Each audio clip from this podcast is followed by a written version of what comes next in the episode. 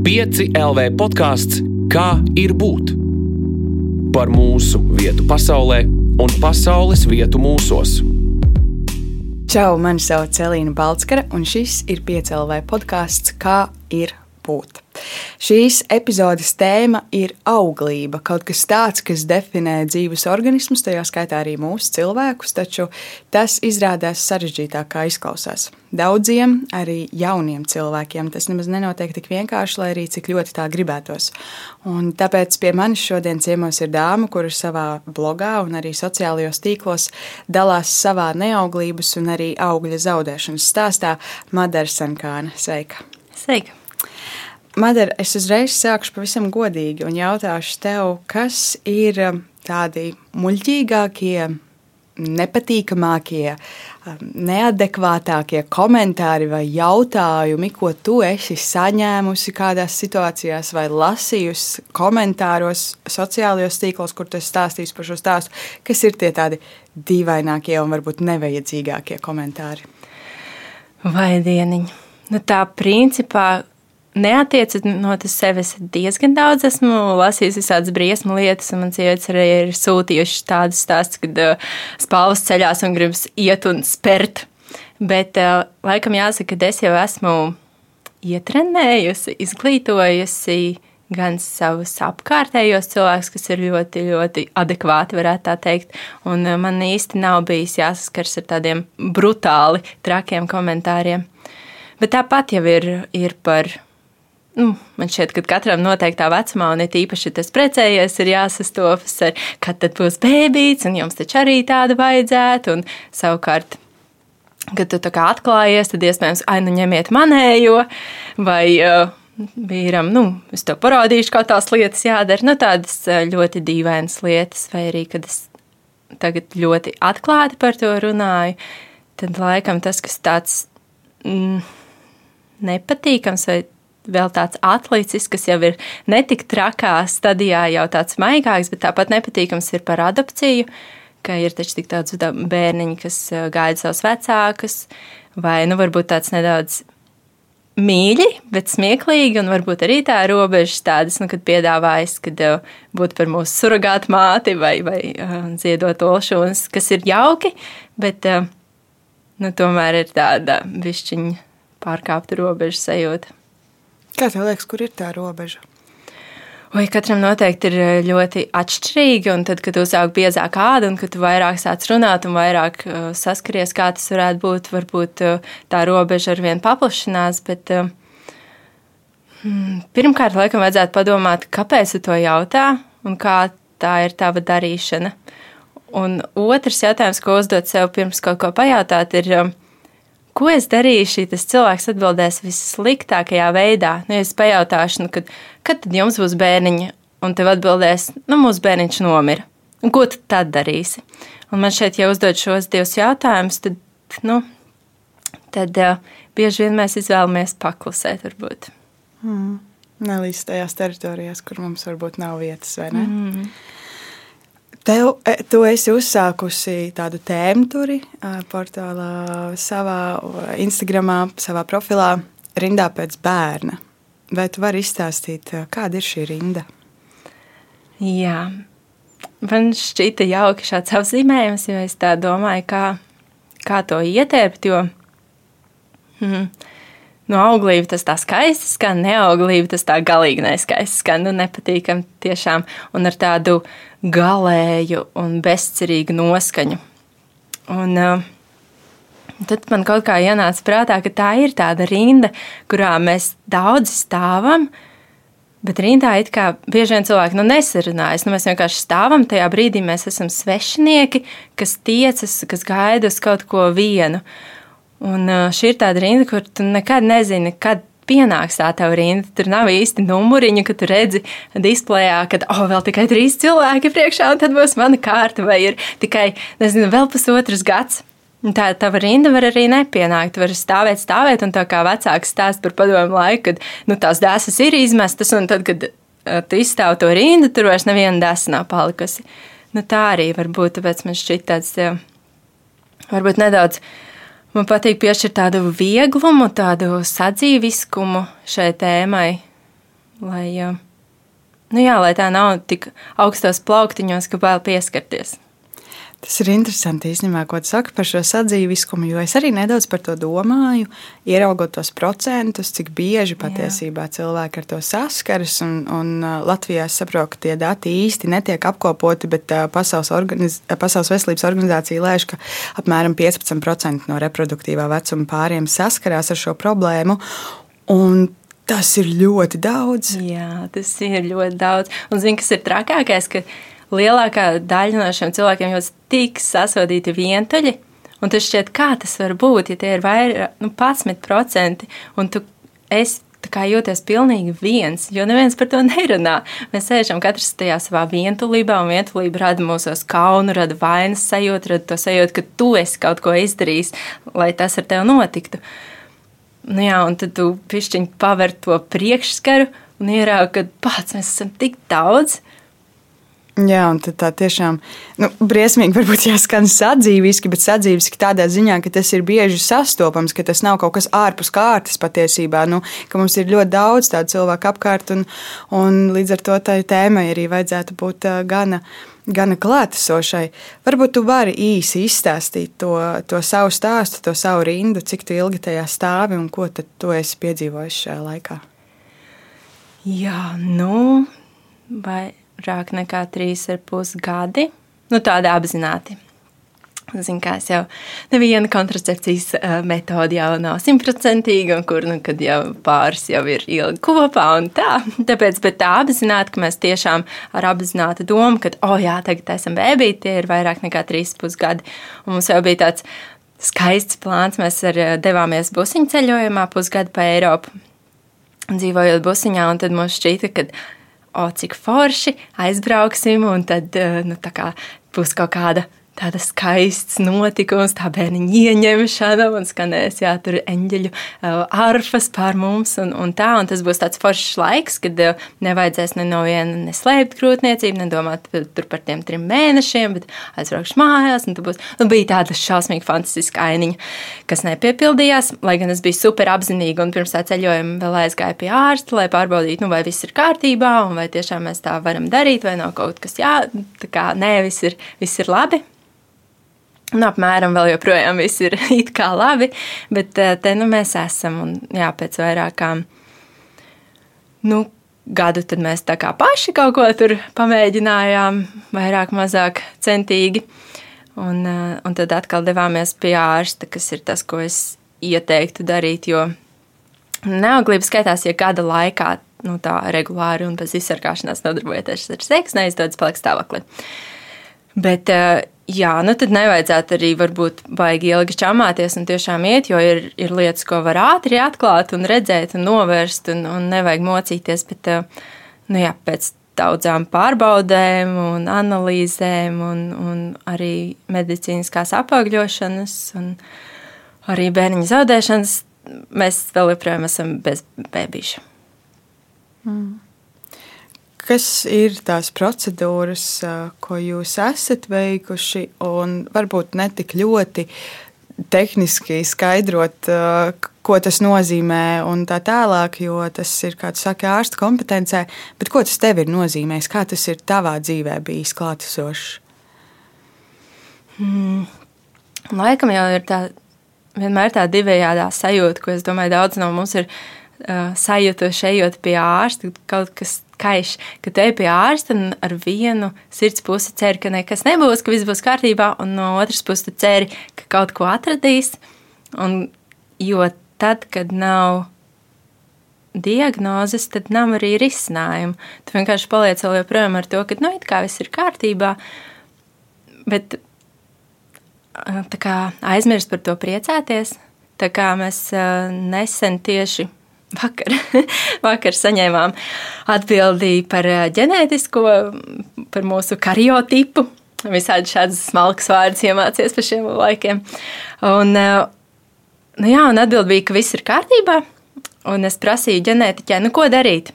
Nu, ko, ko mēs tagad darām? Viņa atbildēja, nu, pirmkārt, priecājamies. Un man bija tāds, wow, šito es biju aizmirsis. Jo tiešām ir tā sajūta, ka, ok, nu, vai šis ir, un ja šis būs, tad mēs to varēsim risināt. Un ja šis nav, tad ir atkal pavērstas viss bezdibenis, kur vēl var meklēt, un kas vēl var būt vai nebūt. Vai... Tāpēc, jā, kā tu minēji, tas nu, tieši tā sajūta katram jaunam izmeklējumam ir tāda nu, dalīta. Mm. Kas ir tās lietas? Uh emocijas, vai vienkārši piedzīvojumi, procedūras, vai viss pārējais, ko lielākā daļa varbūt nemaz nenojauš, kas netiek par šo pastāstīts. Jo es domāju, tev, protams, grūti varbūt arī ir izkāpt no tās pozīcijas, kur tu esi, jo tu jau diezgan daudz zini, bet ņemot vērā, ka tu runā sociālajos tīklos par to, tu jau arī redzi to cilvēku atbildi un par ko cilvēki visvairāk pārsteigti, par ko viņi vispār nav nojautuši, ka tas, tas notiek, ka tā ir daļa no šī procesa. Jā. Tad pirmie laikam ir, ka tas ir tik bieži, ka ir tik daudz cilvēku, man tiešām cilvēki ir šokēti. Otrs, ka tas ir tik grūti, jo es um, nereti dalos arī stāstos, no nu, atbildēs, ko man iesūta citas sievietes, kas saskars ar šo problēmu. Un, un, un tad daudz cilvēku rakstīja, ka nebija iedomājušies, ka tas ir tik grūti, tik smagi un ka viņi tagad iet domās cauri visiem saviem muļķīgajiem komentāriem un jautājumiem. Un, un daudz jautā no nu arī, kā darīt, ko darīt, ko tagad darīt, kā man būtu, ja man draugam ir tāda problēma un ko, ko, ko un kā. Un laikam arī īpaši runājot par medicīnisko apaugļošanu, tur vispār ir tāda nu, ļoti ļoti liels melnais caurums par to, kā tas notiek. Un varbūt uh, tiem, kas ir interesējušies, tādu personīgu iemeslu dēļ, ir uh, iespējas no Amerikas, jo tur vairāk ir.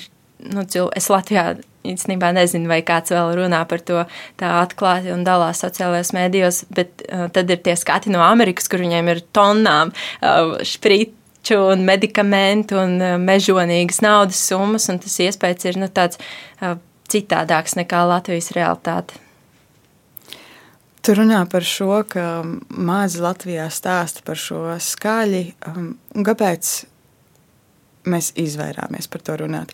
Un es domāju, ne tikai no to pāru puses, kuriem uh, ir problēma um, iegūt bērniņu, bet uh, arī no pārējās sabiedrības. Kāpēc šī ir tā tēma, ko mēs esam paslaucījuši kaut kur klusumā? Man liekas, tā ir vēl viena tēma, kas vienkārši kamēr viss ir jauki un skaisti, mēs par to runājam. Un it īpaši tad, ja tas ir saistīts ar bērniem. Jo tas, kā tā ainiņa tiek uzbūrta, kad uh, divi mīloši cilvēki ieņem bērnu, laimīgi iznēsā deviņus mēnešus, skaistās apgarotās dzemdībās piedzemdē, bērniņš uh, guļ kā vajag, ēd kā vajag, smaida, kad vajag, visi ir priecīgi, novērtē katru dienu un laimīgi. Un, uh, tas ir tas, ko mēs sabiedrība pieņem un, un, uh, un vispār tā bērna um, vieta un bērns kā tāds lielā mērā tiek uzskatīts par tādu sabiedrības īpašumu, ka katrs var pajautāt, kad jums būs, uh, o, cik tev liels vēders. Kā, vai tad pati piedzemdēji, vai tad pati bāro, kur tad guļ, kāpēc tur? Nu, visi šie jautājumi, kas īstenībā nu, diezgan personīgi, bet eh, mēs uzskatām bērnus no vienas puses par sabiedrības īpašumu, bet līdz kaut, kaut kas neatbilst tam uh, saulēnajam priekšstatam, tā uzreiz, kā saka, paslaukam zem paklājiņa, pabāžam zem gultas, ies, ieslēdzam skapīli, lai nedod Dievs nekas no tā skeleta neuzkrīt virsū. Un uh, noteikti, ka tas ir saistīts arī ar bailēm, kad nepieminēt, um, nedomāt, ne, nepielaist. Uh, to arī ļoti viens no laikam, tie, tiem komentāriem, kas ir visnīstākais vispār šajā, ja tā varētu teikt, eh, kopienā, ir eh, nedomā par to. Vai vienkārši atslābinies. Nu, tas ir tāds, ka tiešām nu, tas ir viss, viss nu, top viens. Um, bet, uh, cilvēki laikam domā, ka uh, pirmkārt, ka tu vari par to nedomāt, un otrā, otrkārt, ka tas, par ko tu nedomāsi, nebūs realitāte. Un es domāju, ka tāpēc arī izvairās runāt. Uh, Nu, noteikti arī tas, ka nezini, ko darīt. Nu, ja tu sāksi runāt un tev atbildēs, kā ir, nu, ko tad? Un, uh, un Un tāda pirmā aizsardzība reakcija iespējams ir padomu došana, jo mēs gribam, īpaši, ja cilvēks ir tuvs, mēs gribam kaut kā viņam palīdzēt, kaut kā mazināt viņa sāpes, un tas kā tāda pirmā palīdzība šķiet dot padomus. Un, nu jā, un es arī lasīju pētījumus, ka tie padomi, ja kāds cilvēks pie mums vēršas ar problēmu, ka mēs jau pirmās, starp laikam pirmajiem septiņiem vai pat pieciem teikumiem, ko mēs viņam atbildam, jau ir padoms. Bet šie negribētie padomi, nelūgtie padomi, mm, liek justies. Nu, tā ir kā tas cilvēks domāt, ka viņš zina par šo tēmu kaut ko vairāk nekā tu. Tas maina, nu, nostāda tev tā, tā muļķa lomā. Bet es aizrunājos, nu, lūk, tad tā ir tāda, kāpēc es domāju, sabiedrība negrib par to runāt. Nu, pirmkārt, tāpēc, ka tas ir tabū un kad mēs negribam runāt par um, sliktām lietām. Teiksim, tā, ko mēs nevēlamies piesaukt, un otrs ir, ka nezinu, kā ar šo situāciju tikt galā. Un no cilvēkiem, kas saskaras, viens ir tā vientulības sajūta, par ko mēs jau runājām, ka tu vienkārši domā, ka tu esi viens tāds muļķis, kurš nemāk bērnus. Vai um, vai tu esi kaut ko izdarījis, ir milzīga vainas sajūta, un tu meklē visu laiku sevī vainu, un, un vai nu tā bija karma, vai kaut kādi tēvu grēki septītajās paudzēs, vai, vai nezinu, tā vienreiz, kad tu pīpēji zāli, vai tas, ka tu nevalkā svārkus. Nu, tu visu laiku meklē kaut kādus iegāns, tas iemesls, kas varētu būt tam par, nu, kāpēc tu esi vainīgs. Un, protams, ja tu jūties vainīgs un ja tev ir kauns, un tur ir kauns, un tas man tik ļoti sadusmo, kad uh, sievietes, es pati to esmu jūtas, un sievietes man tik daudz raksta, kad viņas jūt, viņām ir kauns par to. Un tas, nu, protams, kauns ir saistīts ar to, ka mēs nepiepildām savas um, gaidas sabiedrības gaidas, īpaši kā sievietes, kurām ir salikta jau uh, lomas visai dzīvei. Un kaut kur tajā sarakstā ir arī mātes loma. Un, ja tu neesi spējīgi to piepildīt, tad Nu, lūk, ir arī tas kauns. Un uh, vēl viena lieta, ka tā ir, mm, tu padari sevi ļoti ievainojumu, tad, kad tu atklājies, jo tad katrs tev var pateikt to savu muļķīgo, nedomā par to, un viss būs labi, un tu taču esi jauna, un man vienai kaimiņienes māsītes, vīrtēvas, sievas, bla, bla, bla, bija šī tā un tā. Nu jā, tu tā kā paver kļūst ievainojams. Jā. Visā šajā, ko tu tikko izstāstīji, tu esi nolēmusi par to runāt. Un uh, mans loģisks jautājums droši vien, kāpēc? Tāpēc, ka es esmu tāda taisnības, taisnīguma cīnītāja jau kopš uh, bērnu dienām. Un, uh, ja es redzu kaut kādu netaisnību, kas man sadusmo, tad, tad viss. Tad sarkans gar acīm, man šķiet, ka man ir kaut kas jādara, jo kurš cits, ja nē, es. Un, jā, tā ir viena lieta, ka man šķiet, ka man ir tik ļoti sadusmo tā tieši tā mm, kauna un vainas un vientulības sajūta, jo, kā, kā tu minēji, nu, viens no astoņiem cilvēkiem ar šo saskarās, un kā tas ir iespējams, kad mēs jūtamies tik vientuļi. Un tas man uzsita asini, un Otra lieta, kad es gribēju vienkārši dabūt to ārā no sevis, un mana dabūšana ārā um, ir rakstīšana. Un pirmais, vispār, kad es ar šo padalījos, savu stāstu, mūsu stāstu ar vīru, mm, bija žurnālā. Man uh, palūdza uzrakstīt rakstu, un es domāju, par ko rakstīt. Un, un uzreiz nu, atnāca šī doma, ka es vienkārši gribu to norakstīt uh, nost no sevis. Un tā man ir tāda kā terapija, un, Un tad es sapratu, ka tad, ja es saņēmu pirmās vēstules, ka tas ir nu, ļoti palīdzējis un, un, un pašai deva arī kaut kādu tādu brīvības sajūtu. Jo tāpat nu, bija jau tie jautājumi, nu, kad tad jūs un kad tad jums, un, un tu vis, kādu laiku tu vari muļķīgi ķiķināt un teikt, ka no, mēs jau cenšamies, un, un tā bija tāda mana tā, tā atbilde. Un, Bet vienā brīdī tie jautā, nu, kad tu kārtējo mēnesi vienkārši esi sačokurojies un noraudājis stundu, un tev pajautā šo jautājumu, tad tev vienkārši, nu, vai nu pašam gribas izlikt pa logu, vai tev otru izgrūst pa logu. un tad, nu jā, un tā atklātība tad pirmkārt samazina šādus muļķīgus jautājumus un piezīmes, un otrkārt, nu, personīgi man, un otrkārt es tiešām ticu un redzu, ka tas arī sabiedrība kopumā nu, paver bišķiņu to skatu plašāk un dziļāk un ļauj saskatīt, nu, kāpēc, kāpēc kaut ko vajadzētu vai nevajadzētu. Un arī vēl viens tāds liels iemesls, kad uh, cilvēkam kā tādam, un es zinu, ka man tas ir ļoti izteikti, ir tādi jēgas meklējumi. Nu, kāpēc kaut kas notiek? Un ir grūti pieņemt, ka kaut kas notiek tikai tāpēc, ka tas tā notiek, un tāpēc, ka stulbi, un tāpēc, ka nepaveicās. Un uh, pamazām es esmu nonākusi pie šīs domas, nu, ka vienkārši stulbi. Nu, stulbi sanāk, žēl, ka mums, bet, nu, um, bet no otras puses uh, tāda nu, sajūta, ka uh, es varu kaut bišķīt padarīt pasauli pieņemošāku, saprotošāku un mazāk sāpīgu lietā, kas tāpat ir ļoti smaga. Nu, tā ir tā mana jēga. Jā, tu stāsti par tiem komentāriem. Nu, pilnīgi es jau jūtu asini uzkurināties sevi, jo tas tiešām liekas tik lieki un, un nevajadzīgi. Un, Un es iedomājos to pasauli, kur sievietes par to varētu droši arī runāt, un arī vīrieši, kurā varētu par to droši runāt, jo tā jau ir pāri problēma. Visbieži, nu, vienmēr, principā. Un, um, jā, bet tagad varbūt pagriezīsim to sarunu jau atkal no citas perspektīvas, un es te uzdošu tādu lielu jautājumu, bet es zinu, ka katram ir sava atbilde, un es patiesi gribu dzirdēt tavu. Kāpēc jūs vispār gribat bērniņu? Kāpēc jums tas ir svarīgi? Jā, nu, es uzreiz varu pateikt, ka man šķiet, ka bērniņus um, vajag tikai tiem, kas tiešām tos grib. Un ne katram tas ir vajadzīgs. Un, un, jā, bet uh, nu, jāatmet tādas uh, bioloģiskas, fizioloģiskas, kā jau tu ievadā minēji, ka tā ir tāda dzīves būtnes pazīme, šī vairošanās un auglība. Um, noteikti tur, nu, tas, tas ir pamatā.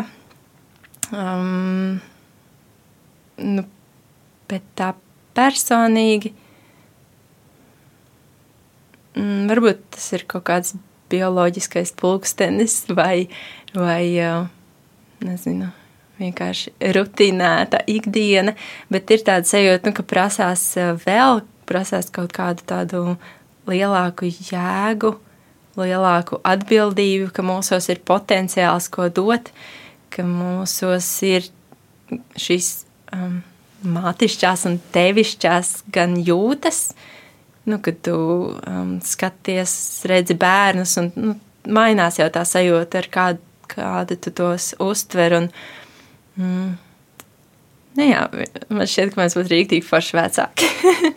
un, tā kā es pati nāku, nu, man ir divi brāļi, un es esmu uzaugusi kopā ar uh, māsīcām brālēniem. Un, un, nu, mēs esam ļoti, ļoti liela ģimene, un vienmēr bērni ir bijuši kaut kur blakus. Mans jaunākais brālis ir deviņus gadus jaunāks, un es viņu nu, diezgan, diezgan uzaudzināju. Kā, gan kā kaini dibeni, gan, gan barošana ar karotīti nav nekas. Uh, pārsteidzošs vai, vai jauns, un, un nav tādas rožainas, idylliskas ainiņas ar eņģeļu bebīšiem, kur nekad neraud un, un neko no manis neprasa. Tā kā es domāju, ka diezgan piezemēts tas skats, bet uh, bērni. Nu jā, bērni man patīk. Man šķiet, ka viņi ir forši. Man šķiet, ka mēs būtu forši vecāki un ka mums ir ļoti daudz ko dot. Un tad, laikam, tās būtu tas, ja neskaitīt tādas mm, bioloģiskās, psiholoģiskās un sociālās normas, kuros mēs kā cilvēku suga um, un uh, iekļaujamies, tas laikam būtu tāds personīgais. Jā. Nu, protams, te jau uzreiz parādās jautājums par bioloģiskiem bērniem, tā kā mūsu vai pieņemtiem bērniem. Un, uh, Es nezinu, varbūt tas tev bija atsevišķs jautājums. Jā, es noteikti gribēšu tev par to pajautāt, bet vēl nedaudz par to mammas sajūtu. Vai tu vispār atceries pirmo reizi, kad tu sajūti, iedomājies, saprati, ka es gribu būt mamma? Hmm, man šeit ir bijuši tādi defaulti iestatījumi, tādi pamatiestatījumi. Es neesmu no tām, kas sajūsmā ģības par katru mazu bēbīti. Man šķiet, ka bērni tāpat kā jebkurš cits cilvēks ir personības, un ir tādi, ar ko mēs esam uz vienu viļņu, un tādi, ar kuriem ne tik ļoti. Bet, bet man ir Laikam tāpēc, ka man bija tāda forša bērnība, un uh, man ļoti patika, kā mani vecāki audzināja mani. Un, uh, nu, šķiet tāds, tāds labs paraugs, ko viegli pārņemt, nav, nav tādas trakotas uh, traumas, kas jāpārvar vienmēr laikam ir bijusi tā sajūta, nu, kā tādu dabisku vienkārši dzīves sastāvdaļu. Bet, eh, protams, ka jo vairāk eh, laiks paiet, kad mēs nevaram, jo tas kļūst par vairāk apzinātu lēmumu. Jo tas vairs nav, nu jā, nu, mēs iedomājamies, tā sanāca, nu, un kā ir tā, tā jādzīvo, arvien vairāk ir tādi. Nu jā, tas ir apzināts lēmums, uz ko tu ej, un tev ir jāsaprot, kas ir katrā svaru kausā, vai tas ir tiešām nu, Laikam jau vai tas ir tā vērts. Jā, jo šim procesam bez tāda stingra lēmuma un eh, stingras pārliecības, ka tu to vēlies iziet cauri, droši vien ir ļoti grūti. Un par šo procesu arī runājot, trīs ar pus gadi tu minēji. Um, kas ir bijuši tavi smagākie punkti šajā laikā un tādi grūtākie brīži, ko tu esi piedzīvojusi? Tagad man jāvāk tas mutautiņš uzreiz. Um, jā, nu, tas, ka mēs zaudējām savu mazu, mazu, mazu bērnu, tas noteikti bija nu, tāda, tāda bedra, kad uh, nu, jā, vēl viena tāda, un, un tad tas vai ir vērts noteikti nosvērsies um, citā. Nu, jā, tas, tas bija. Man šķiet, ka. Jā, nu, zaudēt bērnu, vai cik maz. Nu, man šķiet, ka tas, nu, kā es mēdzu arī teikt citām, kas to ir piedzīvojušas, nu, ka tas būtu jāaizliedz ar visiem visuma likumiem. Nu, jā, jo tā, tā nav pasaules kārtība, kādai tai vajadzētu būt. Un tas caur, caurums, kas paliek, ir. Um, nu, jā, viņš vienkārši paliek. Nu, jā, tas laikam ir tāds visstrakākais, bet, um, bet arī mm, tad nākamais top 3 briesmīgāko pieredžu um, topā. Tā noteikti ir pirmā. Tad otrais varētu būt um, veicot medicīnisko apaugļošanu, kad ir nu, tur ir process, un tad ir tas, eh, kā, tas noslēdzošais, pēc kā atliek turēt īkšķus un cerēt uz labāko, ir um, embriju ievietošana atpakaļ dzemdē. Un, un tad, protams, tad tu jau. Nu, tu zini to savu embriju no pirmās olšanas un no pirmā spermatozīta. Nu, tas ir citādāk nekā, ja tu vienkārši um, pēc nezinu, diviem mēnešiem attopies, ka tev nav bijis mēnesis reizes, uztaisījis testu un, un priecīgi pārsteidz vīru. Um, bet uh, tās cerības un tas, kas ir gan uh, fiziski, gan laika ziņā, doma ziņā, jūtu ziņā, nu, tur ir milzīgs kā, ieguldījums. Un uh, tad, kad nu, jā, mums ir bijušas divas tādas reizes, kad, kad nav izdevies, un mēs uztaisām analīzes, un tāds, nu jā, vēl joprojām neesmu stāvoklī, bet, um, bet es esmu nu, kā es minēju, es jau zinu tos embrijus, es jau zinu, man ir bildes, man ir, es, um, mēs vienmēr ejam ar ziediem un, un, un vīnu, un, jo gribam padarīt to par, to par svētkiem. Un par tādu, nu, lai tajā procesā ir pēc iespējas vairāk brīnuma un mīlestības un romantikas, cik tur var, lai tā nav tikai mēģine un, un, un, un kājas gaisā. Uh, Tā kā jā, un tad uzzināt, ka nav izdevies, tas arī ir ļoti, ļoti sāpīgi. Tā, es teicu, ka top 3, jā, tad trešais. Nu, laikam jau. Nu, tagad mēs esam kaut kā par laimi vai diemžēl atmetuši mm, ar roku domāju, ka mēs varētu nu, tā vienkārši no seksa palikt stāvoklī. Bet tad, kad vēl tāda doma bija, tad jau katrs mēnesis, kad, kad tu saproti, ka ir sākušās mēneša reizes, tad katrs ir tāds, nu, ja godīgi, un es to daudz arī esmu lasījusi, ka tas ir tāds um, kārtīgs sērošanas cikls ar visām dusmām, ar visu noliegumu, ar, ar jā, kaulēšanos un visu, kas piedienās. Un tas var būt, nu jā, tas var būt ļoti, ļoti sāpīgi, un tev tam ir jāiet katru mēnesi, un vēl vienu mēnesi, un vēl vienu mēnesi. Un, jā. Tu minēji pirms tam arī, un tagad starp rindām tās emocijas, tur kaut kāds kauns, vainas apziņa, ka tu sāc sevi vainot pie kaut kā, un tās pirmās domas, kas ir, un pirmās sajūtas. Un, nu, šis ir trīs ar pus gadi, tas ir ilgs laiks, un es ticu, ka ar daudz ko no tā tu esi arī mācījusies sadzīvot, vai cīnījusies, un censusies to apgriezt otrādi un saprast, ka tu neesi ne pie kā vainīga vai ko citādi. Vai tu vari varbūt ieskicēt, kas tad ir tas pirmais vilnis ar tām pirmajām sajūtām, un, un es gribētu teikt, nu, bieži vien tādām nepareizajām domām, uh, kuras uh, tur teorētiski ir nevietā, bet īstenībā ļoti vietā, vienlaicīgi, uh, ko tu tajā sākuma posmā juti. Jā, nu, laikam visvairāk jau tiešām ir tā vainas sajūta un kaut kāda vainīgā meklēšana. Un, kā jau minēju, laikam jau tas tuvākais vainīgais vienmēr esam mēs paši un pamanāmies sevi vainot pat par mazākām un muļķīgākām lietām, un kur nu vēl te. Un es domāju, ka um, tā vide, kas mums ir apkārt, ļoti to uztur un uzkurina visi šie sievišķības kursi, mm, viss par tām, tām enerģijām un, un to, kādā mums ir jābūt, un, un par to, um, nu, ka tāds nu, uzreiz tev nāk virsū ar, nu, es nesaku cilvēku, bet vairāk tā informācija. Nāk virsū par to, vai tu neesi pārāk vīrišķīga, vai tu neuzņemies pārāk daudz, vai tu tur tiešām staigā svārkos, un tad tur veidojas tev kaut kāda, tur nezinu, hodrona pārps vai kaut kāda brīnumi ezotēriski. Uh, jā, vai tu diētas. Mēs, man šķiet, visu, protams, ir um, veselīgs uzturs, ir jāievēro sabalansēts vai tā, bet man ka arī šī, ka visur meklē to, nu, diētas. Nu, tagad mēģiniet tur keto diētu, un tagad mēģiniet tur, nezinu, ogļu hidrātu diētu, un tagad mēģiniet uh, vegānu, un tagad tikai gaļu. Nu, tā, un visur uh, tiek meklēti kaut kādi iemesli, iegansti, un tas ir uh, kā caurvīja visu mūsu pieredzi, nu, jebkura cilvēka pieredzi, manuprāt, šobrīd, kad visam tiek meklēta kaut kāda tāda. Nu, ka principā, ja tev kaut kas nesnāk, tu pats esi vainīgs, jo tu vienkārši esi aiz savas slinkuma, visticamāk, nedari.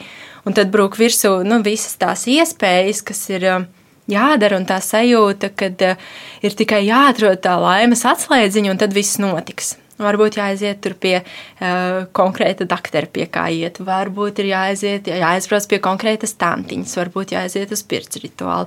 Varbūt ir jāiet tagad, uh, nezinu, pastiprināt baznīcā. Varbūt nu, visu laiku tas, ok, vēl šis, vēl šis, vēl šis. Un un to iespēju ir bezgalīgi daudz, un tāpēc arī tie padomi, kas nāk, ir jāsaprot, ka tad, kad tu saki padomu, tad pirmkārt cilvēks jau ir izmēģinājis simtiem tūkstošu lietu. Un, no ta, un pēc katra tā izmēģinājuma tev jau atkal ir vilšanās, un tu atkal esi sagrauts par to, ka tas neizdevās. Un tad tu meklē nākamo. Un, uh, Nu, tad, kad tu nevari vainot, vainot uh, kaut ko no malas, kad, oh, reku, šis izslavētais doktors man tomēr nepalīdzēja, tad, protams, tu atkal meties sevis vainošanā. Vai? Un tā kā tā, tāds milzīgs kāmīša ritenis, kurā tu tikai malies meklējot to iemeslu. Protams, iemeslus vajag meklēt, bet, manuprāt, tos vajag nu, pirmkārt meklēt uh, medicīniski. Un otrkārt, tik daudz, cik tev tas dod labu un palīdz, nevis grauj. Jo ir uh, ļoti viegli sevi iedzīt tajā panikas stāvoklī, ka tu vienkārši esi vainīgs, ka tu tagad katru nomoda brīdi nedari kaut ko tā labā. Mēs, protams, ļoti daudz runājam par sievieti šajā, un arī tu runā par sievietes tēlu sabiedrībā, kā mēs redzam vispār sievieti. Mm, bet kā jūtas tavs vīrs? Jo beigu beigās tur ir divi, vai ne? Mm -hmm.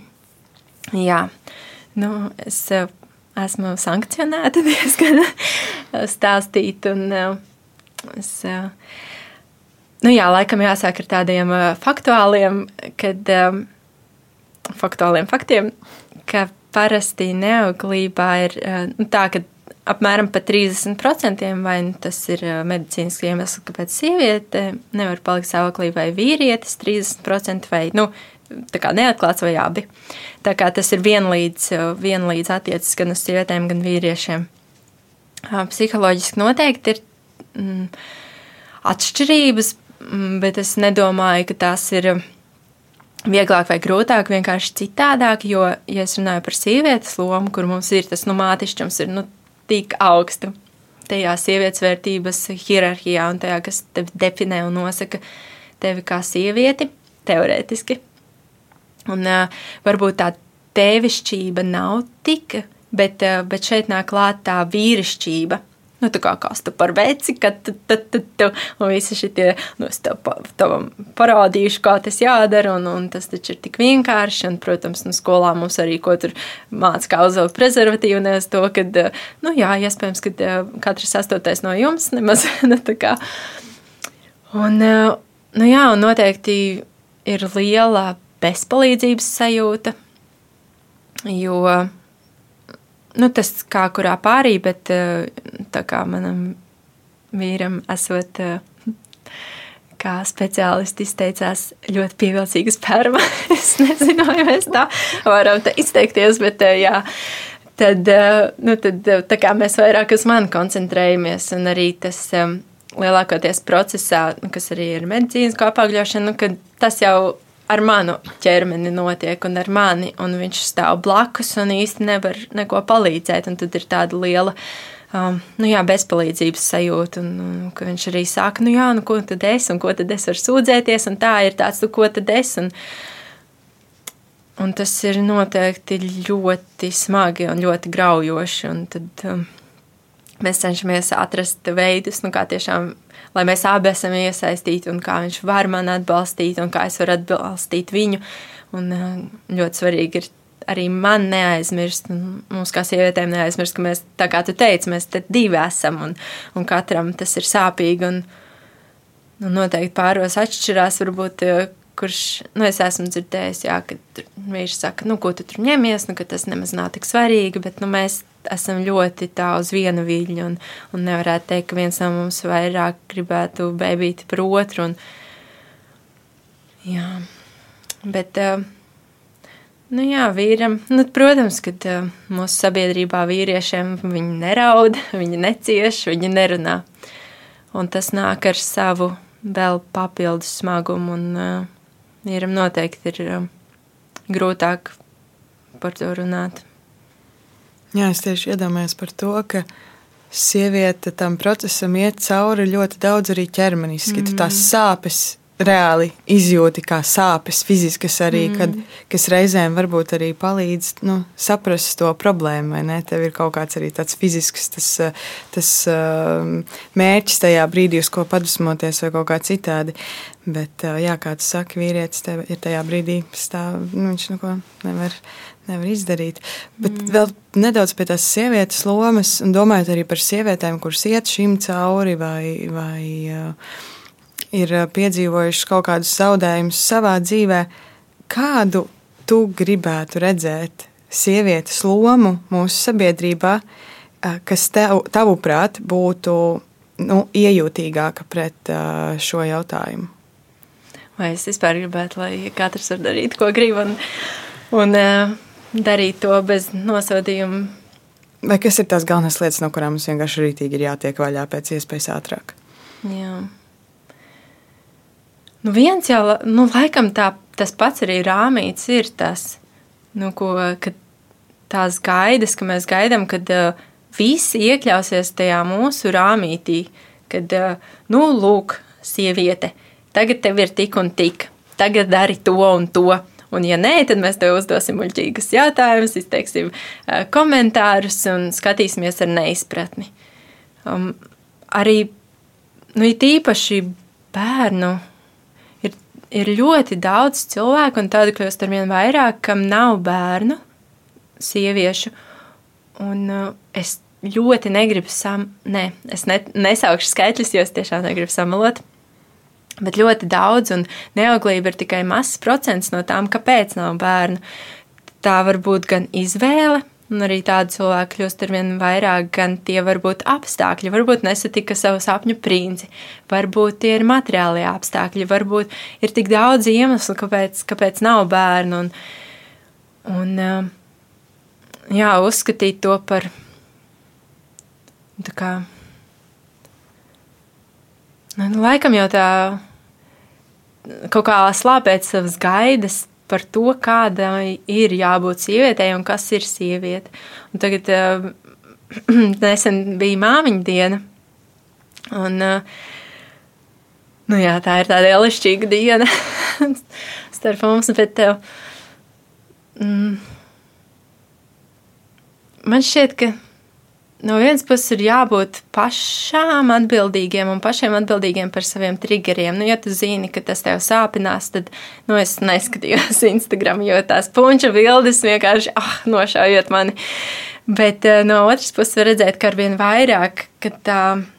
Arvien vairāk mēs paplašinām savu skatu, un arvien vairāk runājam, kad sveic arī māmas, kuras ir zaudējušas savus bērniņus, kuras vēl nav sagaidījušas savus bērniņus, kuras ir uh, cilvēkus, kuri ir zaudējuši savas māmas, vai kuriem ir tik slikts attiecības, ka ne, nu, nav ko sveikt.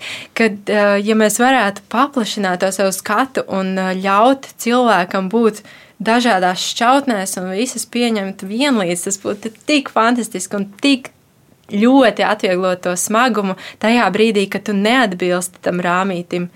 Jo tad, kad tu attopies, ka tev, nezinu, pusi no tevis ir nocirsta ar to šņaku giljotīnu, kas eh, atbilst kaut kādām normām, nu, tas, ir, eh, tas ir papildus sāpīgi.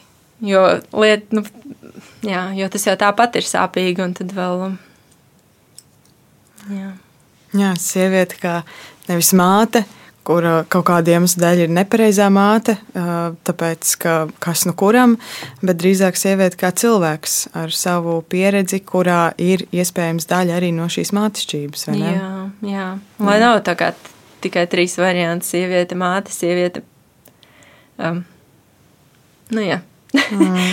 un citi, bet jā, ka tā nav tāda, tā kā pat vispār pamatiestatījumus. Nu, kad tu izaudz, nu, tā kā tu esi uh, bērniņš, skolnieks, studente, darbiniece, māte, pensionāre. Nu, mm. Tas nav tāds neatņemams sastāvdaļa no sievietes dzīves. Jā, mums droši vien arī grūti, man liekas, reizēm pat iedomāties, cik dziļi tas ir ieaudies mūsu mm. vienkārši automātiskā domāšanā. Bet um, tu jau pirms tam pieminēji par bioloģiskajiem bērniem un adoptētiem bērniem, pieņemtiem. Vai tas ir tas, kam tu būtu gatava, vai arī tev ir svarīgs šis bioloģiskais aspekts, kas ir vispār tie jautājumi, ko jūs izskatāt, domājot par to? Jā, nu, es kaut kā mistiski jau kopš bērnības, jau nezinu, septiņu, astoņu vismaz gadu vecumu mēģināju visu laiku savus vecākus pierunāt, ka viņiem ir jāadoptē kāds bērniņš. Es zīmēju plakātus un griezu no manas mazais mazas bērniņas un, kā, un sūtīju viņiem visādas stāstus un rādīju žurnālos, nu, kā, kā tas ir un cik jauki tas ir. Tā kā tā doma man ir bijusi sen. Un gan jau, ka būtu cilvēki, kur teikt, tā ir zīme, un, un ka tas tevi gatavoja tam. Bet, eh, bet tā mana doma un pārliecība ir tā, ka tas nav viens un tas pats, un tas viens otru neaizstāja. Jo bērniņš, um, bioloģiskais bērniņš, tas ir mm, gan mūsu gēnu turpinājums, kas nav maznozīmīgi, jo jebkura suga Nu, tāpēc mēs esam sākot no mikrobiem un baktērijām un beidzot ar ziloņiem. Nu, tas mūsu, tas mums ir iekodēts un uh, pavairot savus gēnus. Un, un, nu, mēs neesam tik pārpasaulīgas būtnes, lai ignorētu šo aspektu, un, ja, ja, ja, tas, um, nu, ja mēs to izjūtam.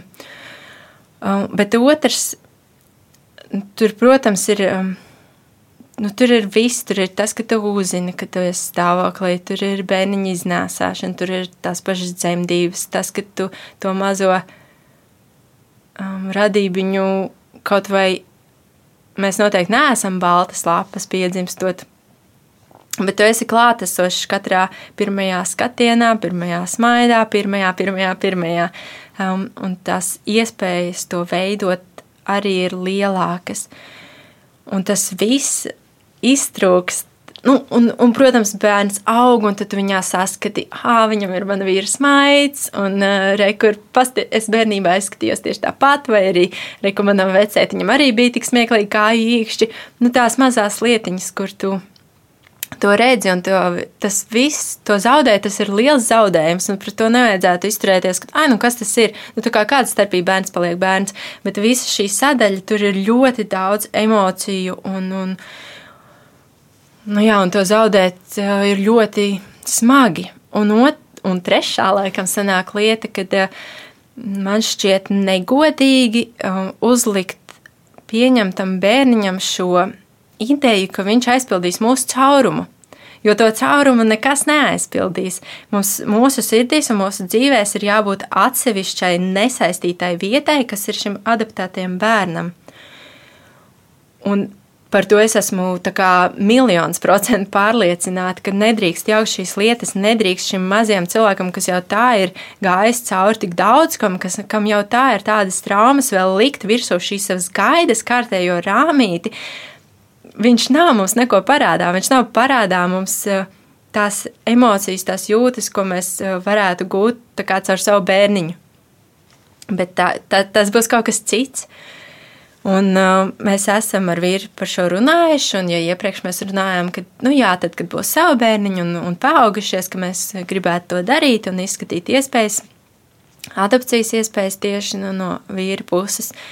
Lai gan man fantastiska misijas, uh, misija šķiet uh, auģu ģimenes status, bet nu, tas, tas ir vēl pavisam citādāk. Un tad šobrīd, protams, kad, uh, jo laiks iet, un, un tā cerība ar vien um, bioloģiskiem bērniem ar vien kļūst tāda kuslāka, mm, tad mēs jau konkrētāk jau apskatām šo iespēju, skatāmies kursus un, un kā tas viss process notiek. Un, bet uh, vēl joprojām ar to apziņu, nu, ka tas ir, tas ir skaisti, tā ir mīlestība, tā ir ģimene, tas ir mūsu īstais bērns, bet tas ir citādāk.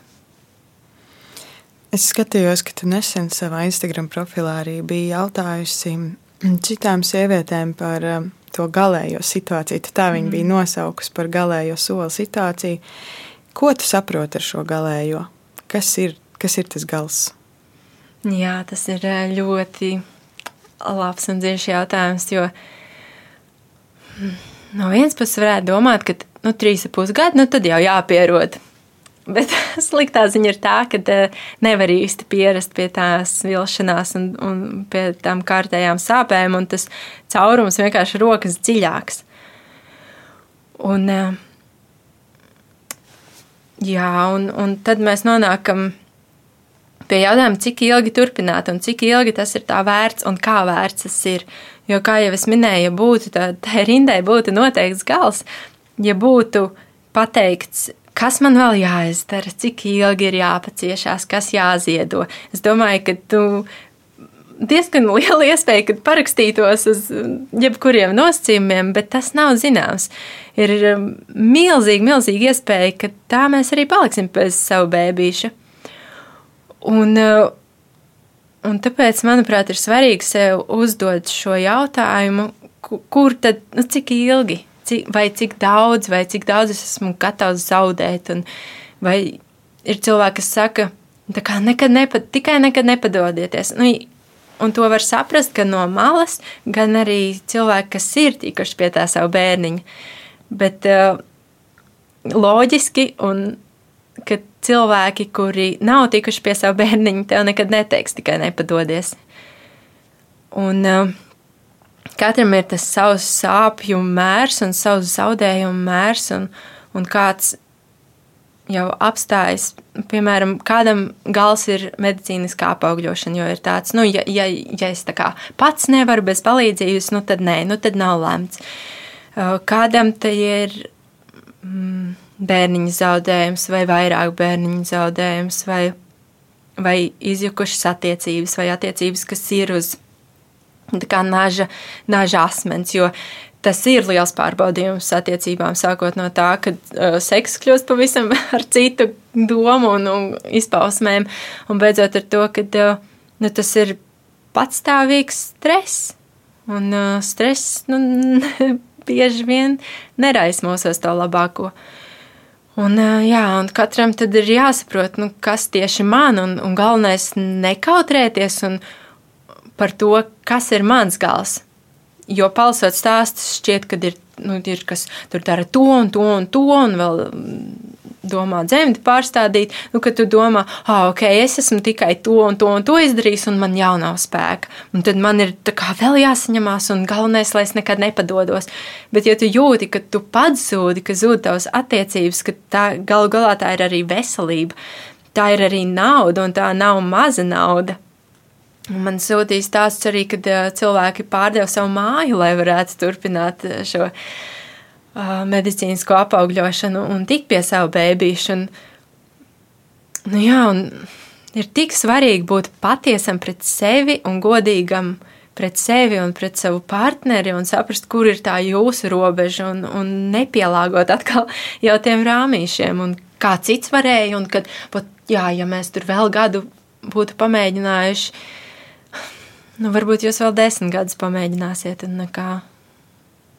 Kas ir tavs gala punkts? Nu, viena lieta, jā, kad es nezinu, ja mēs vēl vienu bērniņu zaudēsim, kad es. Nu, nezinu, vai es no tās bedres tiktu laukā. Um, nu, otra laikam ir tādu pat tādās netvarmās sajūtās, jo es apzinos, ka mēs esam. Um, Un es esmu ļoti privileģēta ar to, ka mēs ar vīru esam uz viena viļņa šajā, ka mēs esam viens otram un viens par otru. Viņš man ļoti atbalsta, un es cenšos viņu atbalstīt. Un, un tas ir milzīgs resurs. Ar to, ka es varu atļauties iet uz psihoterapiju, Jo arī bez tā, nu es, protams, protams, ka es pa šo laiku iedzīvojos panikas lēkmēs, trakās un veģetīvā distonijā un visās šitajās, ko sauc par modes slimībām, bet uh, Bet um, tā ir reāla lieta, diemžēl. Un uh, bez viņas, nu, domāju, ka depresīvos stāvokļos pavisam noteikti. Arī finansiāli mēs to varam atļauties. Arī tas, ka man nav katru dienu jāiet uz darbu un astoņas stundas jābūt birojā, ko būtu ļoti grūti apvienot ar, ar medicīniski, nu, medicīniski vēl tā, bet ar to emocionālo stāvokli, ar tiem emocionālajiem karuseļiem, kam vienkārši nāksiet cauri. Ar ģimenes atbalstu, kas eh, tiešām ir tā sajūta, ka viņi mūs balsta. Nu, jā, un kaut vai ar tādu personību, nu, katram jau ir tas, nu, kā, kāds viņš ir. Un, un, eh, un tā kā jā, es apzinos, ka man ir ļoti paveicies un, un ir tie resursi, nu, lai varētu pagaidām vēl brist un brist. Bet, eh, bet ja man būs tā sajūta, ka, eh, ka mūsu ar vīru attiecības brūk, ka es vairs nevaru, un tādi periodi ir bijuši, kad es vienkārši nevaru būt priecīga. Ka es varu kā tāpat nav tēlošana, ka tu aiz inerces turpini smieties, turpini runāt, turpini ievērot skaisto dzīvē kā faktu, bet tu nejūti. Tu vienkārši jūties nu, nelaimīgs. Un es domāju, ja es tādā bedrē vēl būt, nu, būtu ilgāku laiku, ka tu vairs nejūti dzīvi un nejūti sevi, un nu, kāda jēga. Un tad tas, es domāju, arī būtu tas eh, mūsu punkts. Varbūt pašā noslēgumā vēl esot šeit, šajā brīdī, kad tev aiz muguras jau ir daudz, un, un uh, mēs nezinām, kas ir, uh, kas ir priekšā, un tiešām nezinām, ne? Mm. Kas ir tavas lielākās bailes, skatoties uz priekšu, un kas ir tava lielākā cerība? Kur tu viņu turi? Mm -hmm. Lielākās bailes noteikti ir no tā.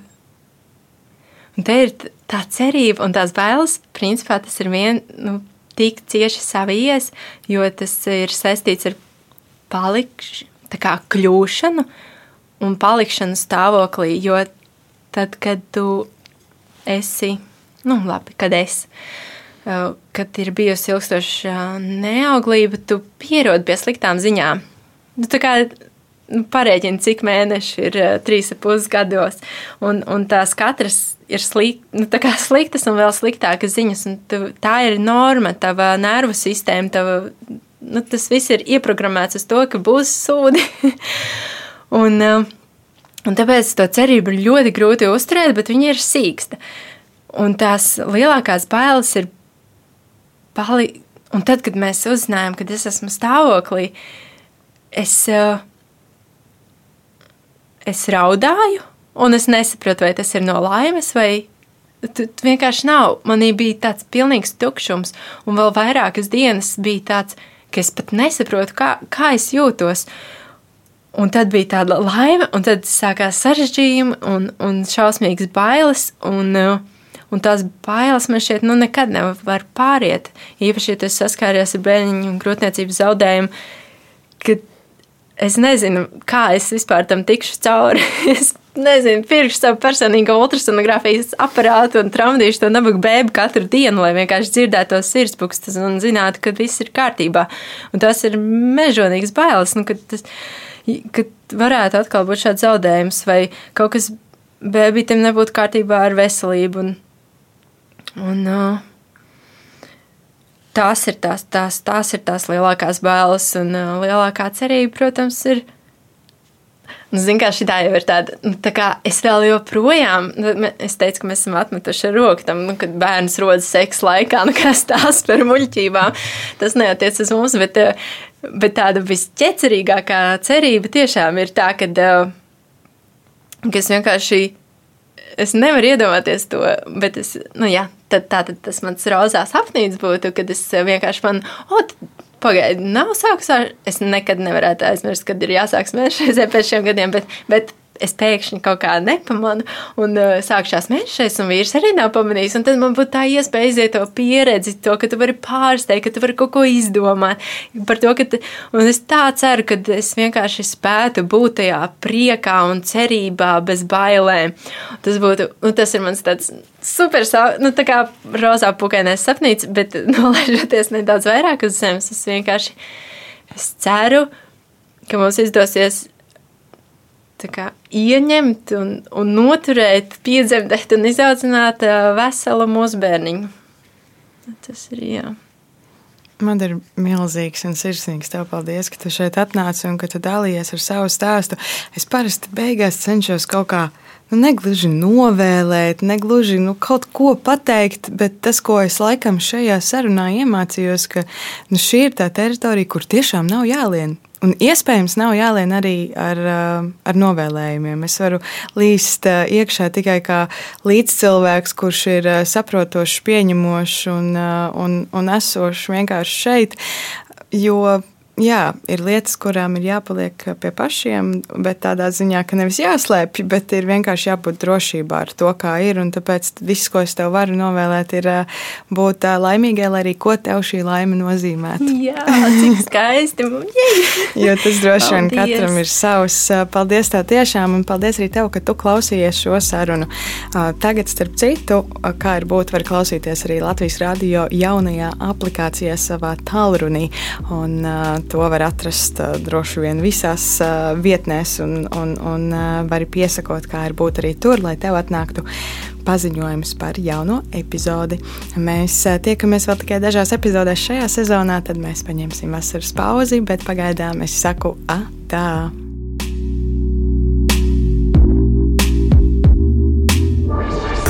Projekts tapis ar Eiropas parlamenta finansiālo atbalstu. Latvijas radio jauna lietotne, ziņas, mūzika, 200 dažādu raidījumu un visu Latvijas radio kanālu tiešraides. Radi pats savu radio. Veido savu raidījumu atskaņošanas sarakstu. Mēs tikai ieteiksim to, ko vērts nepalaist garām. Latvijas radio lietotni meklē App Store vai Google Play. Lejupielādē to savā telefonā un klausies Latvijas radio saturu savērtā laikā un vietā. Latvijas radio lietotne pieejama bez maksas un reklāmām. Latvijas radio veicina kritisko domāšanu un saturīgu brīvā laika pavadīšanu.